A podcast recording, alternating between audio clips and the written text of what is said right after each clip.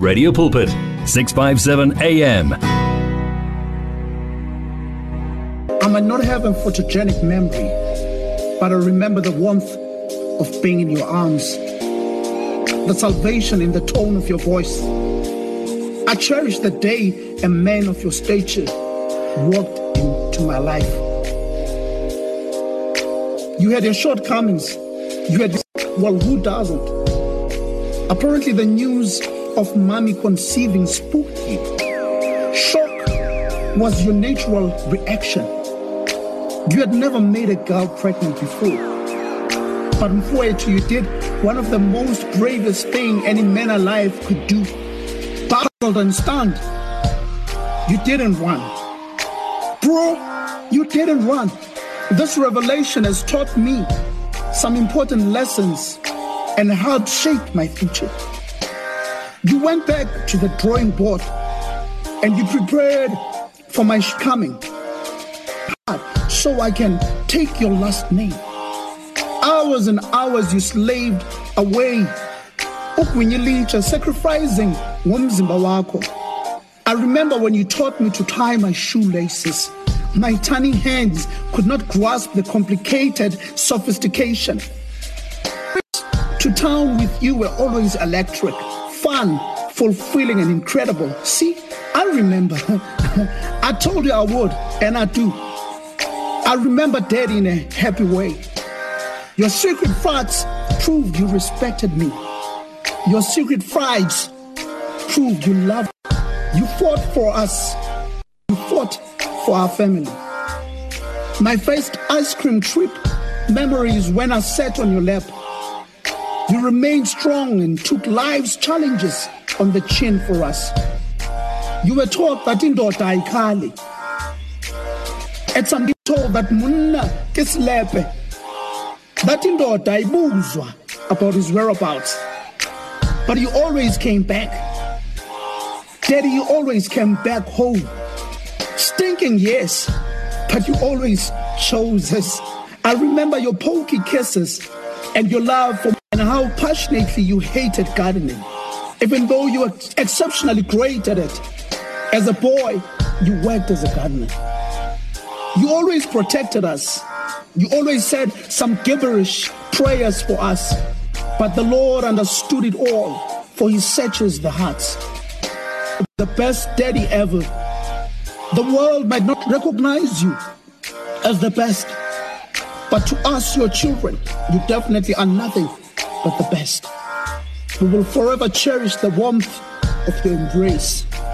This, well, this goes out to the one away, to the best dad that has ever walked the earth. Daddy, Pa, Papa, Baba, Time Alam, I love you.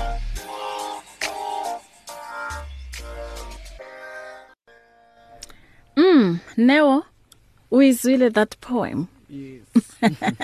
What's your take? my take um my take about Father's Day. Um, a poem and a Father's Day. That poem was good. What? yes. Bongani, the author. That the author Zwani. Yes. Zwani. Wow. Yes. Yes. Yes. He's the one owning Ari a a re kwaletseng yona this poem and then I share le rona um, like to celebrate bontate as today ile Father's Day. It is a shop. And then when a Father's Day e reng mo wena? Father's Day it means celebrating each and every male in your life and making sure hore it doesn't have to be flesh and blood hormone tebe papa how but Yeah. celebrate each and every person or killing male in your life. Yeah. So wena ke mang o ileng hore wa mo celebrate today? Ke ne oh, na nkere my dad passed away Yeah. at 2014 so I was celebrating one of my teacher Mr. Mdingi Mhm. he's always there for me and making sure how I get that support Yeah. yeah ya dad ya father in my life. So mm -hmm. a ne ke mo celebrate ka tšeo wow. So ke ke father figure ya hao? Ke ena father figure. Wow. Okay. Um um re botlhoko ka kantate so o godite a seyo in mo bophelong ba hao? Yes. Oh may his soul rest in peace. Thank you. Re na le kutlwano um mo lining kutlwano? Hello, Lege. re teng wena o kae? Le nna ke teng. I'm happy gore your result di tlile di re um o o o, o negative Yes, yes. we thank God Yes. and how are you are you good Yes, I'm good. Thanks for asking. uh-huh and um how is Father's Day um, I think uh, I tell you about what does it mean to me. Ne? Uh, yes you can say that but um, but I was asking nje gore wena ke letsatsi le leng hore yes you are celebrating ka nnete or maybe una le tseding tse leng hore I na I, I don't I don't see a need to celebrate for No, I do see a need because yeah it is a day where I think it gives me an opportunity to celebrate those father figures mm. who are present in my life mm -hmm. and also embrace the importance of fathers. yeah Mm -hmm. okay so wena no celebrate among today specifically I was celebrating my biological father and also my mentors, my teachers, all male figures bawlemo Plombak mhm whom I take as fathers. okay if I may ask do you have um a relationship with your biological father Um not that much but yes we do relate mm -hmm. but I think that deep deep relationship okay yes All right. Re a gomogela and thank you so much hore o re join online. Ke na le ka mo studio ke na le ke na le Neo fela ke re no Yes, eh Chifiwa re tla bona beketlang. I guess calling hey it's noisy you know go di molong it's mm. noisy so ar ka se khone hore um re mo connect so today we talking about the importance of a son relationship that is why I was mm. asking you the question hore do you have that relationship Leo um your biological father. So erike thome ka Neo ka mo studio ka mo. Neo ho ya ka wena how important it is um as a young man to have a good really lentate I think go ba le a good relationship le your father it tlo thusa hore you can be able to do decisions tse ke di bontshang gore a good person good Yeah. man following the steps up papa how so what i think ke hore most people ba nyagana hore the father role is not important in each and every person. As ngwana moshimane you need to have that kind of relationship because it will thusa on things that wena o snan charity mo tsona since wena o le ngwana moshimane so i think it is too important to have relationship as ngwana moshimane le papa hao. Mhm and then wena kutlwano e go affectile yang taba ya gore o sa ba le um, that deep relationship le your dad?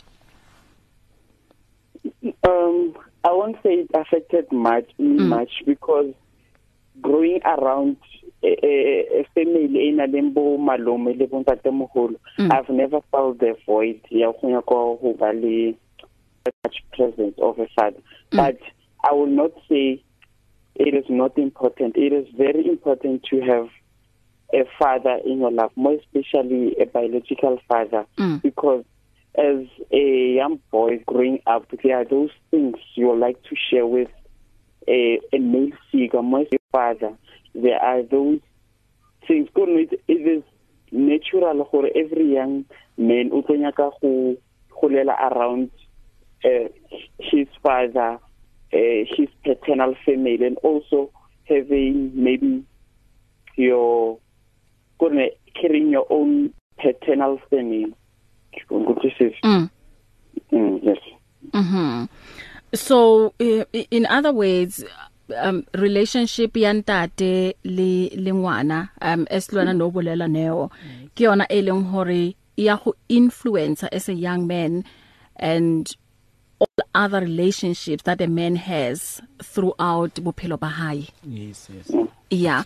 So do you think wena gore papa hao ho sabeng teng ha hae mo philong ba ha ona le dilo tse ding tse leng hore wa di misa or gona le some other things tse leng hore wa di needa it's i mm. think some things take it need and you think like you have to talk with someone ka and na ke mo teenagehood ke mo adolescent yeah. stage mm. so i have to talk with someone about the changes that ile mo mmeleng mm. and someone to talk with about because of i know how i have to be in relationship in coming years yeah. so i have to get advice having relationship and how to make sure hore i'm taking care of myself and making sure hore the changes tse ke le mo mmeleng di Mm. ina eng Yeah. so not having someone to talk le yena is some it seem it seems like it's a bad thing because of nna ke accepta lo tse ke di le mo mmeleng wa ka and changes take sometimes makes me think hore pila because i didn't get advice from someone or aling old from me the mm. father figure and so forth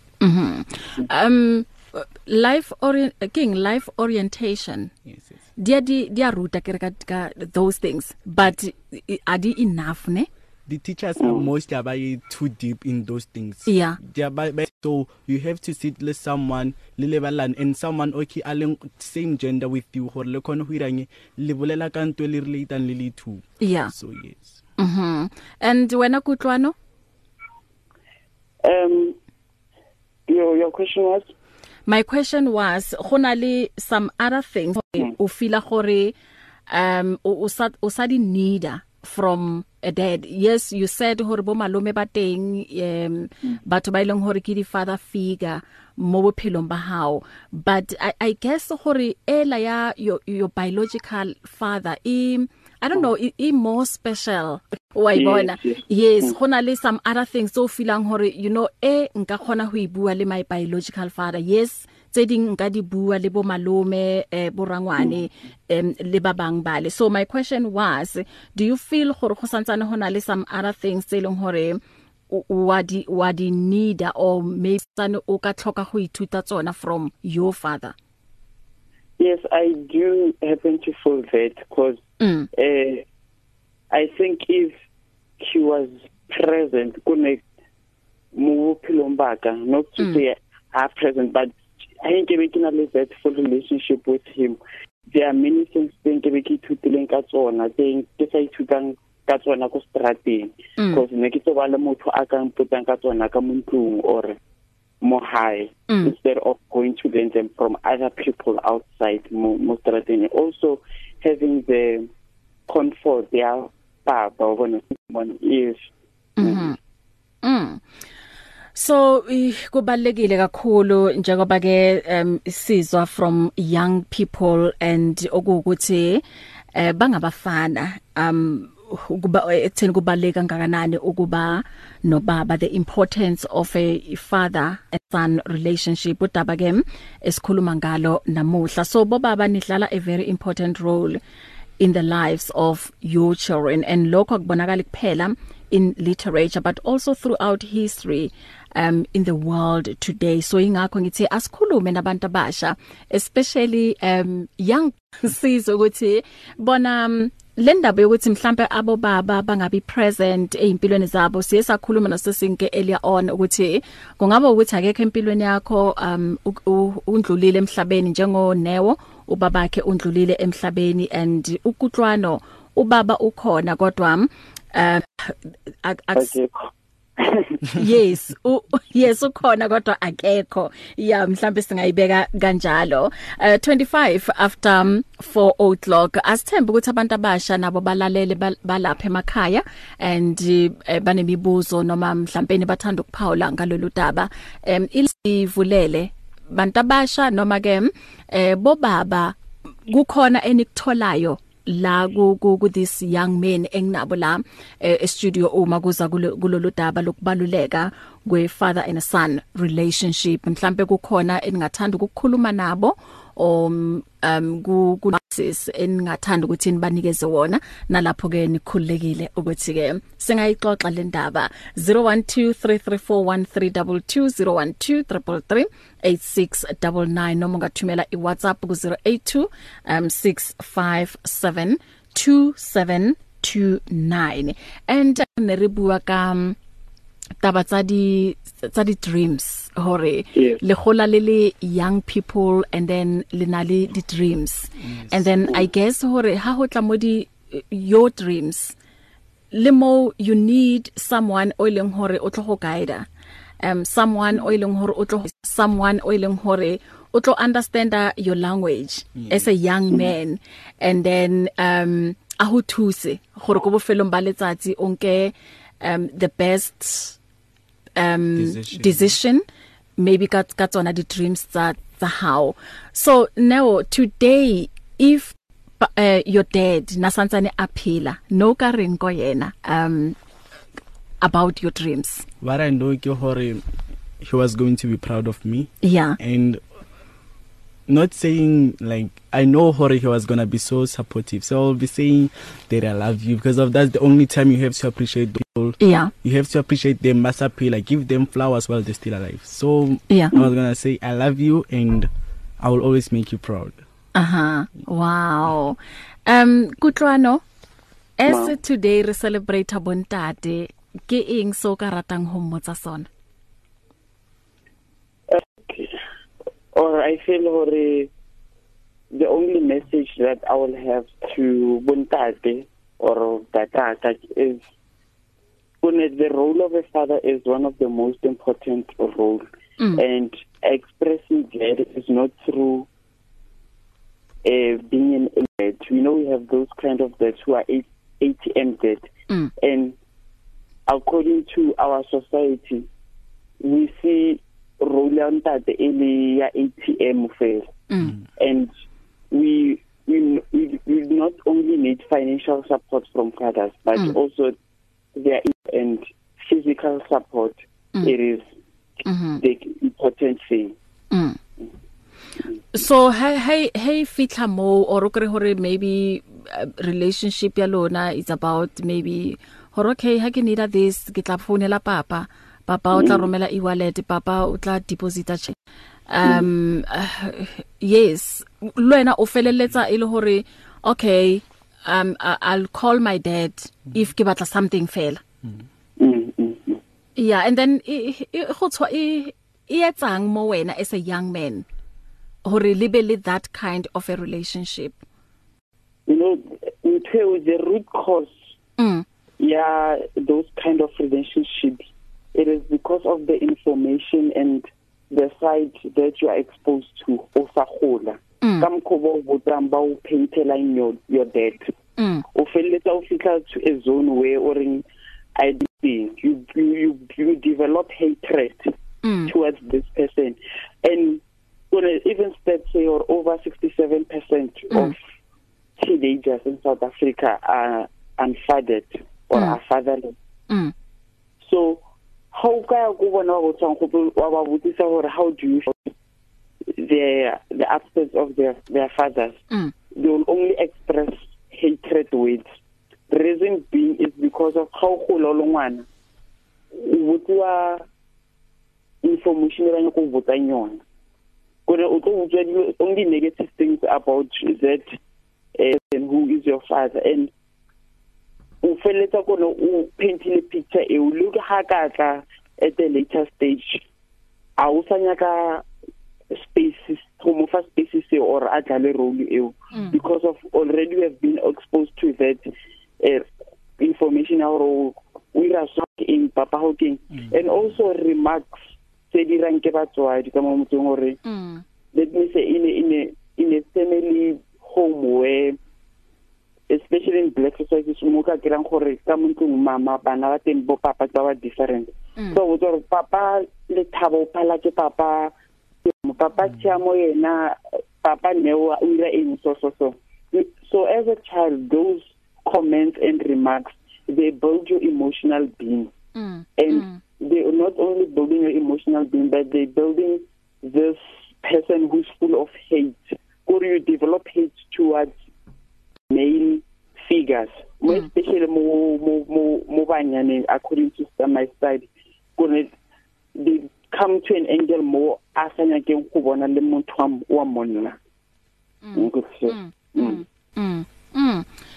ngiyakuzwa eh kutlwano. 16 um isikhathi sakho leso 1632 iya njoba ngishilo ukuthi incingo zivuliwe sikhuluma ke indaba la um sibuka ukubaluleka of a father um and a son relationship. Mhlambe ungubaba ulapha ekhaya um ungomunye wabo baba ukuthi uyathanda ukuthi ube nobudlelwane nezingane zakho. Kodwa ke um kukhona izinto ezikuvimbelayo ukuthi ungabi nabo lobo budlelwane. Ungakhuluma nathi um noma uthumele iWhatsApp ku 0826572729 noma SMS ku 37871 um 012 8699 012 um 1322 njoba ke bashilo lam uh, unewo nokutlwana ukuthi ngempela having a father figure kuyasiza kakhulu in the development of a man and to ensure ukuthi he is able to minimize decisions. Ngoba uma usakhula you know uthloka butlhale bola eh ba motho o mogolo eh because wena o tla nahana ntho e o inahanang ke ntho e right ne? Mm. and motho o mogolo yana high level are mm, -mm my boy no no no no no no no. Um, a go iriwiso tshwantse retsa so. So that is why sibadinga abantu abadala. That is why namuhla sikhuluma le ndaba yokubaleka ukuthi a son and nobaba babe ne good relationship. Ngicela ukuthi ke ngithathe ikhefu sizobuya emveni kwalokho siqho um sikhulume kabanzi le ndaba. Um kinahana hore maybe rika rika mothola eh chifiwa ngoba ngiyabona unsarumela di message mo eh wabatla gore le yena abe part ya this, this discussion yes ethi ngenze kanje ngizobuya It's difficult to face the overwhelming pressures of life alone. Sometimes we just need someone to talk to, someone to listen to us. And what better way to do that than through a quick and easy WhatsApp text? Whether you're having a hard time coping with school, family issues, being bullied, depression, or anxiety, speak to someone who cares today. Send a WhatsApp message to 064 530 6805 or 074 995 9085. Our I Am Youth Counseling team, Charles DeToy and Danny Van Beely, are ready to connect with you today. You can now buy your favorite programs and series of the past 38 years on eCompanion, Radio Pulpit's own online shop. Revisit programs by beloved presenters like Justice Chungu, Cecile Burger, Esti Geldenhuys, and Pastor Aaron Jelle. Books and CDs from various authors and artists, as well as Radio Pulpit t-shirts, caps, and other branded products will also be available on eCompanion, your one-stop soul food shop. Visit radiopulpit.co.za and click on shop. T's and C's apply. Give your faith wings. Explore life with 657 AM. 657 AM. Angimboni ngempela omunye ofana nawe Thabo Mgomezulu uthi ohlala kim muhle mandla. 1638 eh sikhuluma la no Newo Khusiya Michulu eh sikanye futhi nokutlwano elayinini malahlela kanye no Chifiwa Gift eh Maudu. Sikhuluma ukubaluleka kokuba nobudlelwane between a father and a son the importance of father son relationship. Uma nawe uthanda ke ukuba ingxenye yale ndaba noma le discussion. Ungathumela ke umyalezo wakho nge WhatsApp ku 0826572729 mhlawumbe ungumuntu omusha um ukhule ungenayo i relationship eh lokho ku ku affect kanjani impilo yakho mhlawumbe usukhulile kwamanje but lento um isa isakudla and yenza ukuthi ungabi nokuthula. Um you can share with us. Ukushare kwakho uzokwazi ukuthi ke umsizo omunye umuntu kakhulukazi intsha esakhula. Njoba uzwile unewo ukuthi you know um i wish ukuthi babambeka la. Ngiyazi ukuthi bekazoba proud. Em ngonewo okuwukuthi nginguye.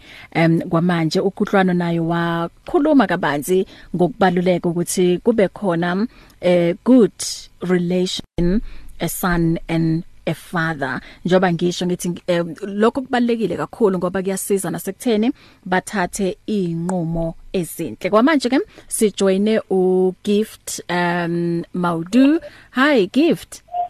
Hi, hi, hi. How are you guys? ah we are good Also good. yeah i'm with Neo in the studio and kutlwana le yena o online ne okay, okay. Yes, thank you so much gore le wena.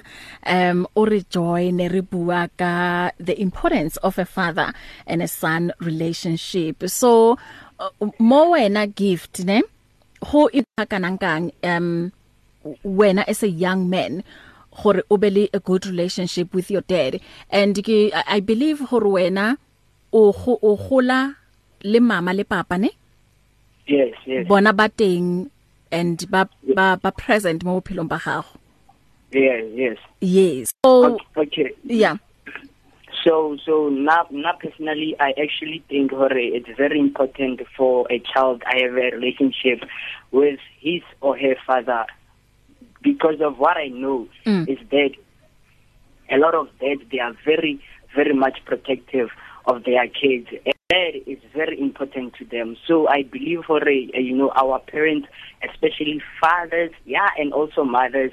Mara, since it's it's Father's Day, are, are, are, we are based on on fathers. I think it's important because they are able to show us the right path, and then uh, we seek advices or anything about life choices and life solutions and Mm. how to tackle situations in real life. So they are very, very important because they show us tsela e right e ke Mm. as a person gore o khone go phomella in life o tshwantse gore gore o etse and o ska tseya ke snacks strateng so i'm very grateful to have them in my life Mm. yeah yeah mm. uh, uh, so as a young man i guess gore you watch almost everything e papa hao a etsang ne? Including gore o interact yang le batho ba bang including gore um how young um le gore le lona le le bana ka mogae o le o le treat byang so ho ho mo lebelleng as your i i guess ke ke your role model ne? Yes yes. So do you think hore ka mkho papa a leng ka teng um le wena o batla go ba man ha o hola o be that Yes. kind of a husband ha o hola le wena Yeah, uh, yeah. I, I, I- I think I want to be like him. Yeah. Why? Is because of I know that. In fact, I know and I have seen that he is very supportive. Yeah. He's very loving. He's very kind, passionate. And I'm doing kakang about him is that he believes in himself and he believes in in in, in his family. Ntwe ntwe ke tsa mongwe bolela ke hore eh ngare he he makes sure he never lets anyone or amoratang down because he's always Mm. and and the way a treating his wife or oiling ilim ilim ilim mamaka mm. like I am I, I am very very very much honored Homona way Allen and I so wish to be more of him in the future and to be greater than him I know personally is very very much good but I believe Hore with his guidance I'll be better Mm. so yeah Wow, I'm I'm happy ho utlwa se wait. Ha o bolela so ke hopola eh cousin ya ka o ileng hore lena o goletse mo lapeng eh, papa they are there. So yena ntho na e bolela hantshi ke hore you know what he ke he ke tlonyala ne ke batla Yes. ke batla go treata my wife ka mkho ebile ke nyaka ka mkho papa a treatang mama ka teng but e- ebile nna ke batla go etsa ke batla m- go etsa more go feta ka mkho yena a treatang mama ka teng So, um ke ntho entle um gift ukuthi Yes. uyabukela kubaba wakho and i believe ukuthi nawe uzoba a good husband. Uh, I to your hope- I wife. i believe kids so. re bua ka uh, 20 years to come. So get married how na le bokae? At least ngare 35 years. wa bona re bua ka 20 years to come yes yes tla bo le betse le gore kana re kile ra ba le uh, uh, this kind of discussion I will never forget. I will never forget it. Never. yeah uh-huh Wow. Yes, yes. Yeah, 1644 and y- you know ngiyayithanda lenkulumo Neo because um kinale luna li 3. Um wena ukhula um your father is not there because of he passed on. And kinale kutlwano. Kutlwano um daddy o teng uh, somehow u, u absent, ne? But they have that relationship and then gifty papa le mama they are there so wa ibona gore e ya balance re khona ho utlwa from your side gore go yang go gola papa a staying and then e le gore he patrano lwena um side la how la story. So how utlweletse um gift ka mkhwa a buang ka teng? O o ka reng neo?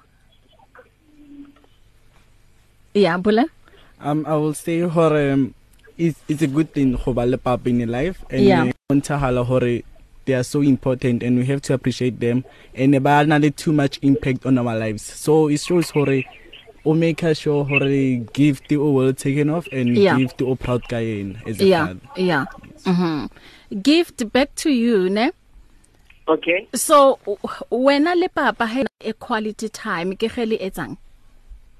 Okay.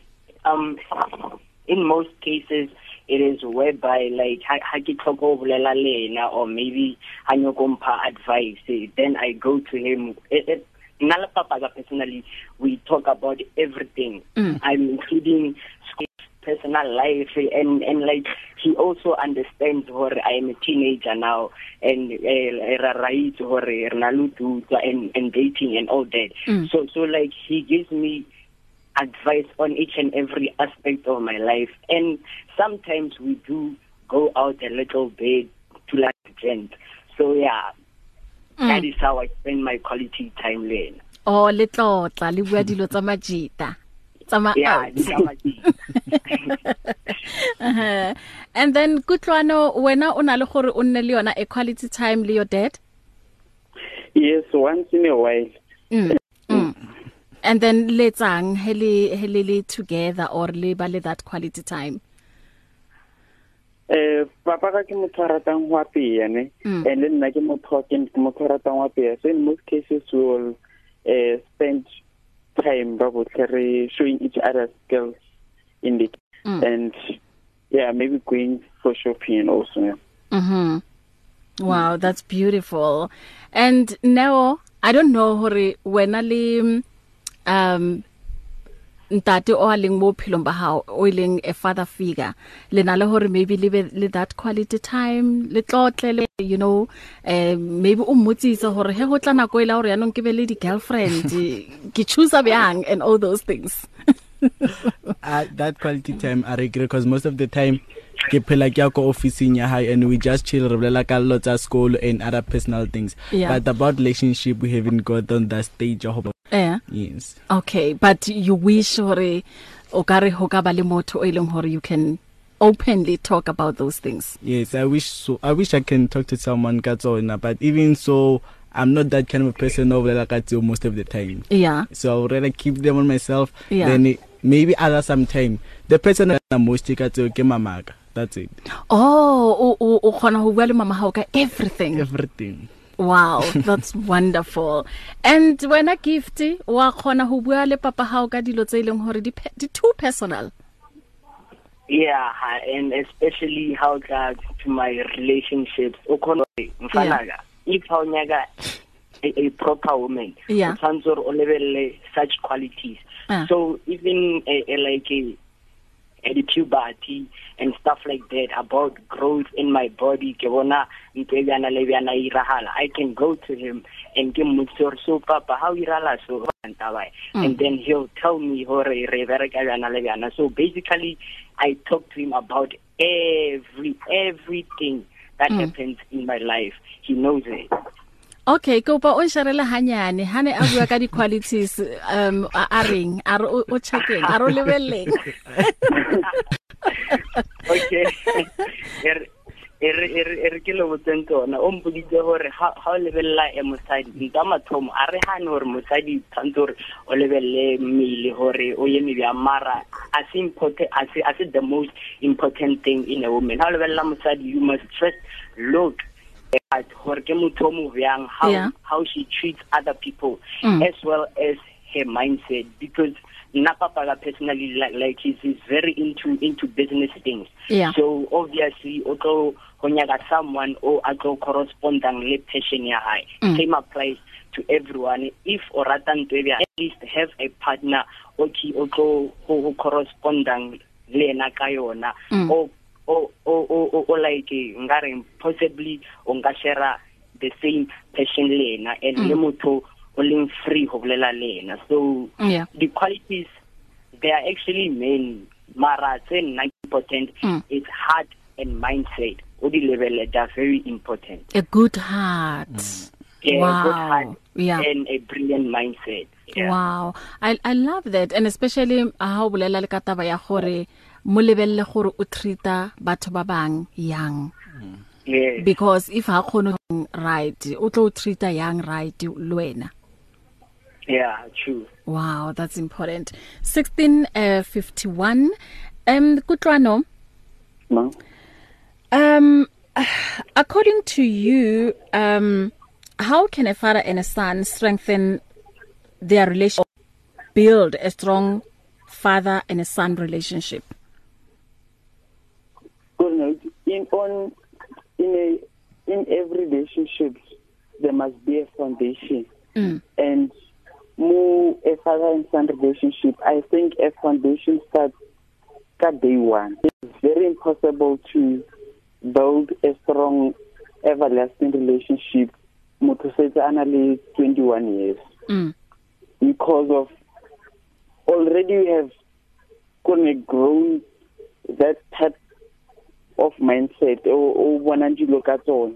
And it will be difficult or o tie motho o sa golang le ena or o sa a sa bang le sebaka le wena o mo kentshe mo hara your dreams a be part of your dreams and your reality. So number one is maybe fixing what is already broken Mm. and spending that time that uh, it missing. And then um ho ya ka wena Neo?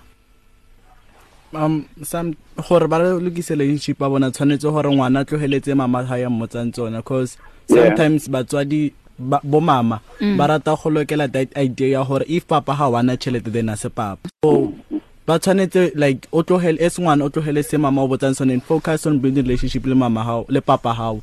Cause go ba le chelete doesn't mean gore o fa le rat o fa chelete but a o rat so he motho a sena chelete doesn't mean gore ha o rat Mm. so forget about everything tse ba botsang tsone and fix the relationship. The relationship. Yes. so wena ho ya ka wena um how or yes my dad definitely one rata genuinely.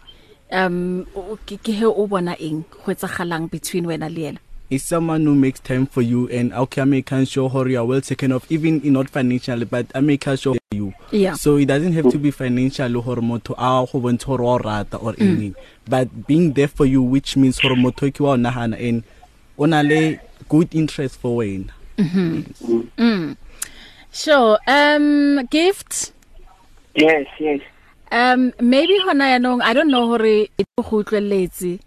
Ke message o mo feng o mo tshwaretseng wona today kwa hore I love him a lot and I'm very very much honored hore hore he's my dad because he's a very very great guy and Kopelo Motori he must keep on doing what he always and that is taking care of his family.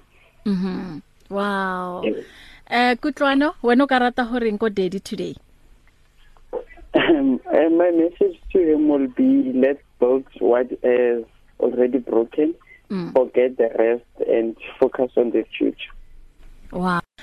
Yeah, um isikhathi ke sithi 1654 um kulo uh, plus minus uh, 2 minutes ithi ke ngiphinde futhi ngimemezele o- eh, ekutheni um ang- angisebenzisi WhatsApp for now bazalwane ngoba ngina mal- kulama line awu2 eh ngino kutlwano eh, futhi ngibe no no gift. But i believe ukuthi uma ungashaya ku 0123341322 singakwazi ukuthi sikuthole noma ungangena ku 012333 8699 mhlambe kukhona uthando ukukubuza uNeo ukutlwana or ugift um ungakwenza lokho or kukhona nje uthando ukukhuluma um mhlambe ungubaba lapho ekhaya une message for uNeo or une message for ukutlwana or une message for uh, ugift. Ungakwenza lokho kule mizuzu embalwa enginayo 012 3341322012 333 8688 singumkani siphinde futhi sibe ngumsizi um silake zikhathi zonke. Ungangena na ku um DStv audio bouquet 882 kune voice note lana um cela ukuthi silalele Sanibonani sis Ayanda. Lo khulumayo mama Shiro from Brakpan I'm born again. Sis Ayanda bengicela umkhuleko 2018 ngavelelwa inkinga bengikhaphe umakhelwane makhelwane wami avelelwe isifo ay endleleni sahamba kahle ukuye graveyard bengihlele eduzane nomunye ugogo. So mina vele ngamthatha njengomuntu omdala. Ye-graveyard sabuya kahle. Ugogo mina ngazi kuphi? Sokuphele yonke into ugogo sewuvela ne-twin sister yakhe mabafika bangishude mina ngimangala wathi ya wena wathatha i-50,000 yethu. Mm, I, no i think this one asiyarona um no i don't think or this one. Eh ihambisana nalenkulumo le esikhulumayo la. Okay okay. Um ithi ke ngishiye kanje and ngizwa abiza usis Ayanda i guess. Um lana bekathumelele usis Ayanda angazi ukuthi ku delay eh isent yakhe because isanda kungena manje eh i voice note. Okay um in in closing Neo ungathini nje? Mhlambe ku young people ungathini nje kubo baba um they should just feel relationship le bana ba bona and also just by making sure hore they are celebrating and ba appreciate abatswedi ba bona. Because of some don't have them and ba wish athe bana le sona. Mm. baskatya the relationship for granted and the loss of my father will always sting but now everything that I do is in honor of him and celebrate his life. Thank wow you. wow thank you. Good luck. Um, my message will be let's continue embracing the importance of the father role and celebrating those who are present and also calling out those who are absent. Mhm a gift? Well, in conclusion, I would like to quote from the Bible. It's in the book of Matthew chapter 4. It says, honor your father and your mother. So my advice to you guys is that let's appreciate them while they're still alive. As Nell said, let's give them flowers while they're still alive as they are able to smell them. Mm-hmm. So are appreciating our parents while they're still alive, guys. That's very, very much important. Wow, that's powerful. And newo ngiyabona ku kunezinto eziningi ozenzayo. Ungashare nathi um I think you you have been nominated somewhere somewhere. oh, I have been nominated for best teenage author by the Book Behind Awards. So oh. people may vote for me by SMSing TBBA BTA 56234877. Okay, and then i closing date nini? Closing date is 31 August. So from today until 31 August everyone can vote. Okay, uthi bavota kanjani? Um by SBBA then BTA 57234877. Bakayikira on my Facebook page. Mhm. And ngibone kunamanye futhi ama projects lapho u abantu abasha I don't know which is Neo Youth yeah. Empowerment Program it's about equipping young people with skills that will contribute to the in their own future. Okay. So re ba thusa ka di skills tsa agriculture and digital and also other skills that are available ka mo Neo Youth Empowerment Program.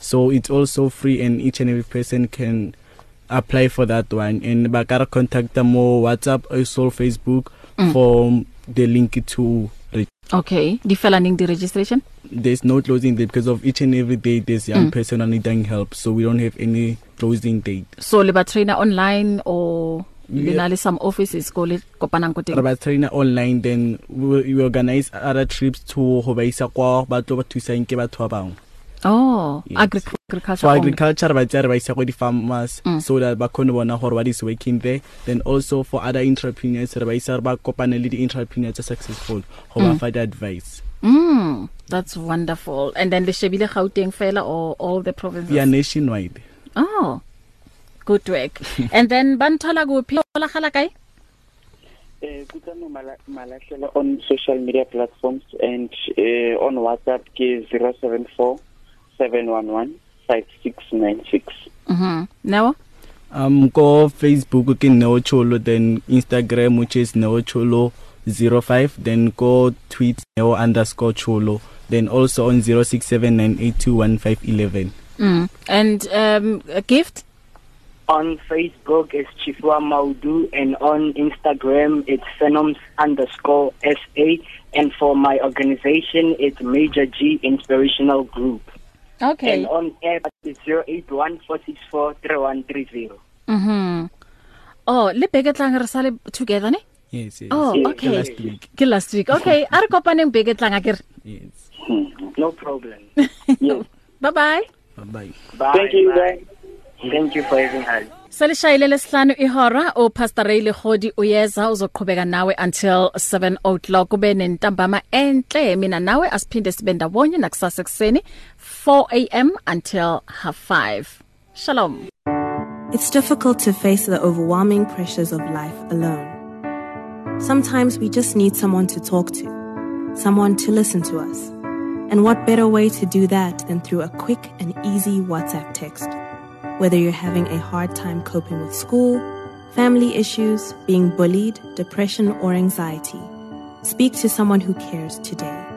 Send a WhatsApp message to 064 530 6805 or 074 995 9085. Our I Am Youth Counseling team, Charles DeToy and Danny Vambili, are ready to connect with you today. In today's rush world, there is limited time for yourself. Your cell phone, however, is with you all the time. So why not use it? Visit our Radio Pulpit website with your cell phone and restore your soul. There you can find out more about Radio Pulpit. Download the Bible to your cell phone, read Word for Today, and you can listen to us online. Just visit www.radiopulpit.co.za. Especially developed for your cell phone. Radio Pulpit, your daily companion. You and 657 AM and life, a winning team on the road to eternity.